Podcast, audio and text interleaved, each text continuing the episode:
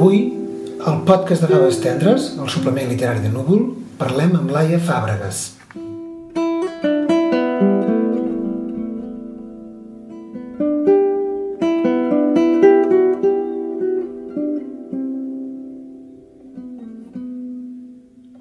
Benvinguts al podcast de Faves Tendres, el suplement literari de Núvol. Avui parlem amb la Laia Fàbregas, que ha publicat una novel·la sorprenent eh, sobre refugiats climàtics.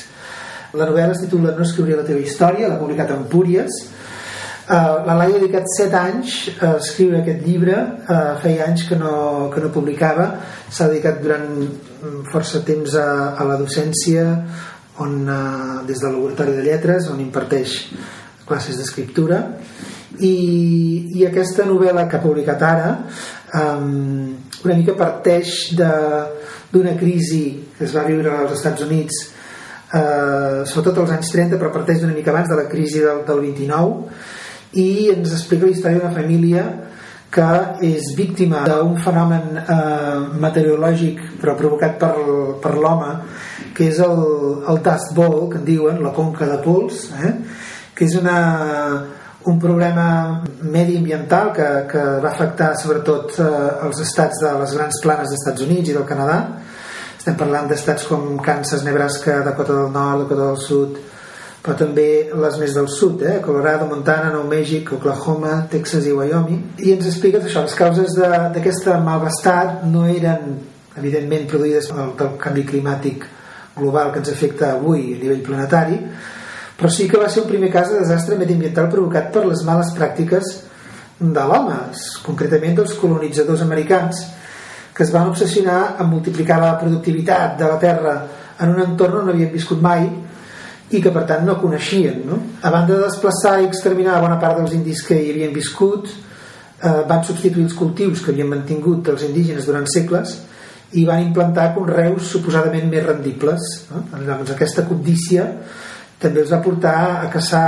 sense cap mena de control doncs, els bisons que eren animals molt provats per la seva pell sense saber que aquests herbívors també regulaven la vegetació autòctona no? per tant a mesura que l'herba de pastura s'imposa en una vasta àrea de sol àrid es va desertitzant el territori no? Bé, aquí partim una mica de la història de la, del John i la Shirley que és una parella que té eh, una colla de fills alguns dels quals eh, perden pel camí i que es veuen obligats a marxar eh, d'Oklahoma no? fins a Califòrnia, que vol dir una travessia llarguíssima tant de travessar un parell d'estats abans no arriben al seu destí, que acaba sent eh, el Salton Sea, eh, que és, eh, ja és dintre de, de les fronteres de Califòrnia, no? I la novel·la acaba amb, amb l'actualitat, en plena crisi del coronavirus. Per tant, anem d'una crisi del arrenca-arrenca als anys 20 que s'estén fins a, fins a l'actualitat per tant, clar, tu vas començar a escriure aquesta novel·la fa 7 anys i no podries preveure el final perquè realment ni nosaltres sabíem com, com estaríem avui no? no, no, jo a més a més quan començo una novel·la no sé com acabarà jo la començo per una primera espurna que em fa començar a escriure i per tant no, no sabia que acabaria ni, ni amb el coronavirus ni, ni, ni que trigaria tant a fer-la i tampoc no he trigat tant perquè, perquè m'hi he dedicat molt sinó perquè no he tingut prou temps per dedicar-m'hi els últims 7 anys no? deixat, vaig començar realment fa 7 anys però he tingut períodes que, que l'he deixat totalment aturada perquè també he sigut mare durant aquest temps no? I, i bueno, hi ha unes prioritats a cada, a cada etapa no? però no, no, no sabia on acabaria perquè no, no ho sé mai i, i vaig començar sí allà al, al, al centre d'Amèrica, no? la part central d'Amèrica um, però també o sigui, hi, ha, hi ha dos espurnes o tres que, que em fan començar a escriure aquesta història per una banda això del, del Bowl, però allà hi vaig arribar després d'haver trobat el que és el Salton Sea, que també és la part, diguem, més present de la història, doncs passa al voltant del, del Salton Sea, que és un llac salat que hi ha al sud de Califòrnia, que hi ha molta gent de Califòrnia o del reste dels Estats Units que ni sap que existeix aquest llac, i que, que bueno, també em va fascinar, el vaig trobar a través d'un vídeo que vaig veure de 6 minuts per internet, no recordo com vaig anar-hi a parar, i, i, i vaig quedar fascinada per aquell llac i vaig, vaig pensar que hauria de ser una cosa que havia d'aparèixer d'alguna manera a la història no? hi ha, una, hi ha una frase que obres el llibre eh, que es diu I go there to catch glimpses of what the world will look like without us és a dir, vaig allà per tenir algunes visions no? de com serà el món quan els humans ja no hi siguem mm -hmm. Sí, això, o sigui, aquesta frase sortia en aquest vídeo. La, la deien en aquest vídeo, el, el, el narrador, era un vídeo documental, i, i em vaig, em va quedar, em vaig, o sigui, vaig quedar enganxada, vaig, vaig notar que després de veure el vídeo, doncs, l'endemà o al cap d'estona, doncs tornava a pensar. I normalment treballo així, quan començo històries, és alguna cosa que m'ha passat o que he vist o que he pensat que es queda allà enganxada, encallada, i que com que no em deixa anar penso, bueno, doncs n'he de fer alguna cosa, doncs a veure, com, a veure què em faig, no? I, i llavors començo a escriure uh, sense saber per què ni on ni, ni quin rol tindrà eh, el Salton Sí, perquè abans del Salton Sí la idea inicial, inicial, inicial era la pregunta de qui recull els animals morts de la carretera o sigui, això va ser el primer que em voltava pel cap i que havia de fer-ne alguna cosa i hi ha un personatge a la novel·la que es dedica a això no? sí, però al final és un secundari és que, molt secundari que no té gaire sí, sí, sí. interès però, però bueno, és part d'aquest cor de gent no, que, Sí. que van sortint com t'enfrontes com a autora a una història que passa en un lloc on no has estat mai?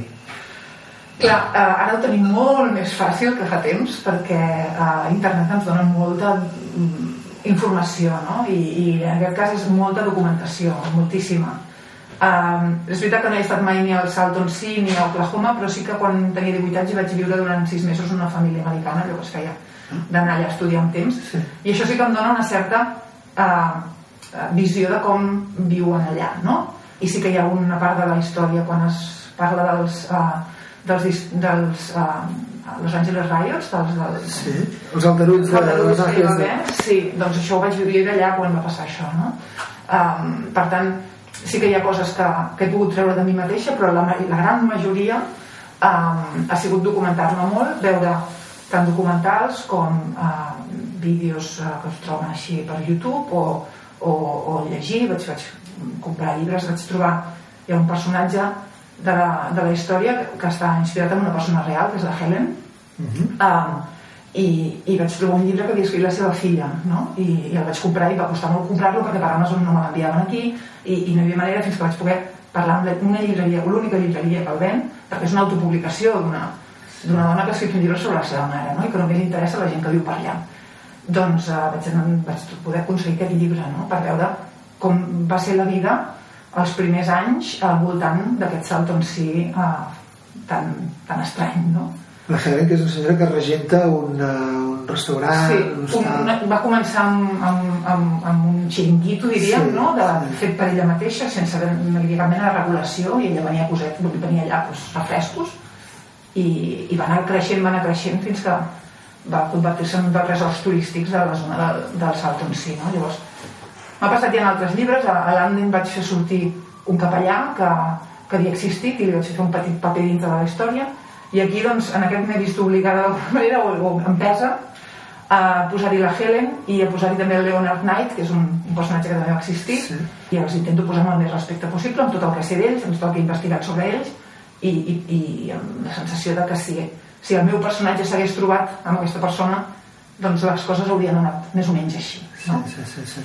Hi ha, hi ha una, una imatge icònica que, que ens remet una mica a aquella generació que va haver d'emigrar de, del Midwest per anar-se'n cap, a, cap a Califòrnia que és el retrat de Florence Owens Thompson que va fer la Dorothea Lange que en aquell moment es va convertir de manera immediata en el rostre de la Gran Depressió i segurament és una de les obres més, més eh, valuoses de la història de la fotografia en aquesta foto hi apareix eh, fotografiada amb un bebè embolicat en un farcell eh, i ella mira el buit amb una estranya barreja de dignitat i desemparança no? mentre els seus dos fills més grans que es veuen d'esquena a l'objectiu de la càmera se li arrapen al coll aquesta dona doncs, em podia fer pensar en la Shirley i amb la Caroline que són dues dones que fan aquesta travessia i, i que en el cas de la Caroline bueno, el marit se li perd pel camí eh? en el cas de la, de la protagonista la Shirley casada amb en, amb en John doncs, eh, té un altre final que no, no vull revelar per no,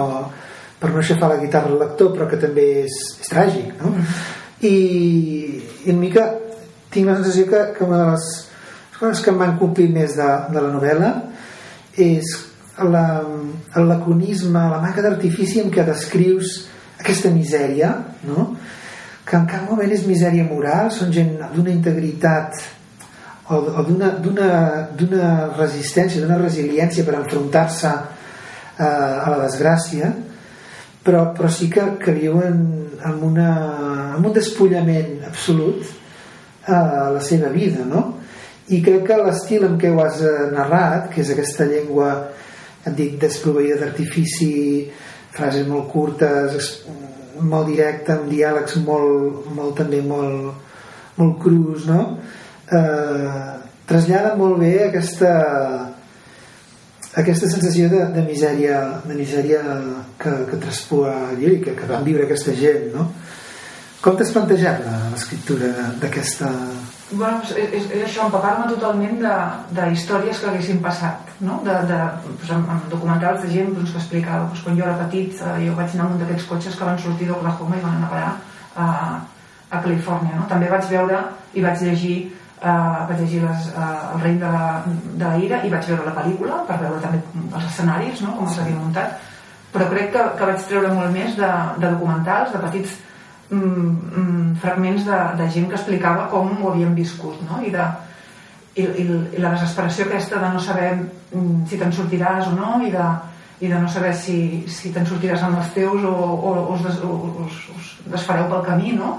Um, he vist tants documentals, ja d'ara ja no recordaria dir quin o com, però, però aquesta sensació la vaig anar, doncs, eh, me n'hi vaig anar impregnant d'alguna manera i, i, i la resta és el que em surt no, no, no, no, no em plantejo si faré frases curtes o llargues o si posaré més metàfores o menys o això sí que no potser no ho cuido prou i faig el que em surt i em surt i en aquest, cas, en aquest cas m'ha sortit bé no? però um, és més impregnar-me d'entendre d'on ve el que estic intentant explicar i traslladar-ho a uns personatges que són, que són inventats, no? els únics reals, diguem que he intentat mm, inspirar-me en el personatge i, i, i fer-lo el més real possible són els que dic Leonard Knight i la Helen Barnes, però la resta són inventats i trets de petites anècdotes de molts altres que he anat, que he anat veient i, i, i inventant o imaginant com podria haver estat tenint en compte doncs, tot el que, el que he anat descobrint, eh, documentant-me. Una cosa que em sembla que, que lliga tant la història que arrenca dels anys 20 com la del present és que parles una mica de les dificultats de, de la criança, no? És a dir, està, el llibre està ple de mares que o bé eh, abandonen els seus fills o que no, poden, no es poden afrontar a la, a la criança dels seus fills com de fills adoptats de manera rocambolesca que de cop passen a ser fills adoptius d'una família però que tampoc acaben de, de sentir-s'hi vinculats del tot és a dir, com els vincles entre les eh, mares i els fills eh, es poden, poden ser biològics poden ser eh, fruits d'una adopció i que, i que, i que, es, que es poden trencar tant si són biològics com si, com si no ho són d'una manera molt molt imprevisible no? és a dir, hi ha la sensació de que la continu... hi ha una discontinuïtat eh, que, que, que també ve provocada per, per l'èxode no? per les dificultats d'arribar a un lloc per les dificultats de mantenir un fil continu en la teva vida no? Sí, a veure, les maternitats en si jo no em vaig plantejar així com sí que volia que el Salton sí sortís i volia que el Dash Bowl sortís i, i aquest viatge sortís eh, i volia que sortís un animal mort a la carretera, això ho tenia molt clar. També em vaig, eh, vaig pensar en la situació de maternitat en un, en un cas, i és que just jo vaig començar a escriure aquest llibre quan acabava de tenir el, el meu primer fill, el vaig, soc gran, per tenir, bueno, vaig tenir els 39 anys, no? i per mi va ser doncs, una molt gran poder, poder, poder tenir aquesta experiència, no? i en el moment en què jo gaudia d'aquesta experiència doncs, eh, una, una amiga m'explicava doncs, d'una altra persona que havia tingut un fill i que, i que se'n penedia no? i jo pensava com pot ser no? jo el que estic vivint no m'imagino com podria ser sentir-se al contrari no? això sí que ho tenia al cap quan escrivia això i, i és una mica mm, li vaig donant al Dylan aquesta sensació no? li vaig dir al Dylan doncs com seria el Dylan si li hagués passat això entremig han passat 7 anys i, i, i també m'han passat més coses i entremig vaig perdre un, una filla als 5 mesos d'embaràs de, jo eh, i, i, i, i, i després he tingut un altre fill per sort i, i, i, i he tancat la meva part diguem d'estar de, embarassada no ho estaré més més però tot, tot això també d'alguna manera entra no? i, i, mm. i la Shirley perd, uh, perd fills pel camí també i, i, i, i moltes coses d'aquestes segurament han anat entrant no hi ha tan intencionadament o sigui, si així, com, així com en el dia li vaig donar intencionadament aquesta sensació la resta ha anat sortint doncs, perquè passen coses i van, i van, i van colant-se en tot el que fas no? però és a mi és el que m'ha arribat amb més força justament el que tu potser has fet d'una manera inconscient o, o sense sense d'una manera no premeditada no? I, i penso que que hi ha un, una coherència també en com es van replicant errors dintre d'una cadena familiar no? d'una sèrie de, de coses que, que mm, es van, es van perpetuant i no, no s'acaben de resoldre mai perquè sempre hi ha una ferida anterior que, que realment eh, s'arrossega d'una generació a una altra i és veritat que ho diuen, no? que a vegades estem repetint els errors no dels pares sinó dels avis no? i per tant hi ha com una una inèrcia inconscient dintre d'un patró familiar que fa que els errors es vagin perpetuant no? i això també a, a mi, jo, jo escric de, de manera molt intuïtiva no? ja vull dir, jo començo a ser, ser unes coses que m'interessen les poso allà a, a la rotlla i miro a veure què passa i si, i si me'n va cap un lloc o cap a un altre no? i la connexió de les dues històries de les dues històries és, i és, i és, que, és que és la relació entre el Dylan i la, i la, i la Patsy no? la, o sigui, sí. um, al principi aquesta ja la tenia molt, molt, molt clara, però em faltava la, la relació entre la Patsy i, i la família, no? I això eh, ho vaig trobar perquè vaig trobar una foto que, que ensenyava el que, el que realment passa al final, no? És que no vull, tampoc no vull desvelar masses coses, sí. però, però com, com la Patsy està relacionada amb, amb la Shirley i el John ve d'una foto que jo vaig veure que això havia passat, no? I això és el que... Eh, bueno, si, si no hagués trobat aquella foto, doncs potser m'hauria inventat una altra cosa, no? però veus aquesta foto, va sobre maternitats estranyes i, i, i dius que això és el que ha de passar aquí no? I, i llavors el, el, clar, hi ha, hi ha la intencionalitat o anar esperant que vingui la cosa que quadri amb tot el que estic fent no? I, aquesta, i aquesta em va quadrar sí, trobant-ho per casualitat no? Sí, sí. una cosa que he tingut molt al cap també durant tota la, la història és un, un petit vídeo de la si no m'equivoco era de la Margaret Atwood perquè fa molt temps que la vaig veure que parlava que tot el que tu escriguis ha de ser veritat en algun lloc del món no? Uh -huh.